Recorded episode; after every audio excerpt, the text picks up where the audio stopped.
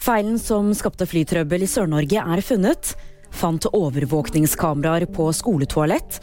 Og Tikhanovskaja er dømt til 15 års fengsel. Flytrafikken i Sør-Norge vil gradvis gå tilbake til normalen. Feilen på trafikkovervåkningssystemene er nemlig funnet og løst ifølge Avinor. På formiddagen så ble all flytrafikk i Sør-Norge rammet av en feil med radarsystemet som styrer flytrafikken. Det førte til flere forsinkelser for reisende. Det er funnet kameraer på handikaptoaletter ved en videregående skole.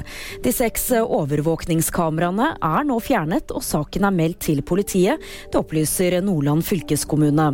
Det var driftspersonell ved Hadsel videregående skole som i vinterferien oppdaget kameraene. De var så godt skjult at de kan ha stått der over noe tid, opplyser kommunen.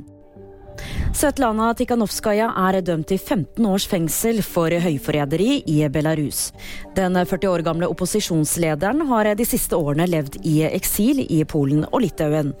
Fra sin eksiltilværelse så har hun rettet krass kritikk mot president Aleksandr Lukasjenko og oppfordret til sanksjoner mot regimet.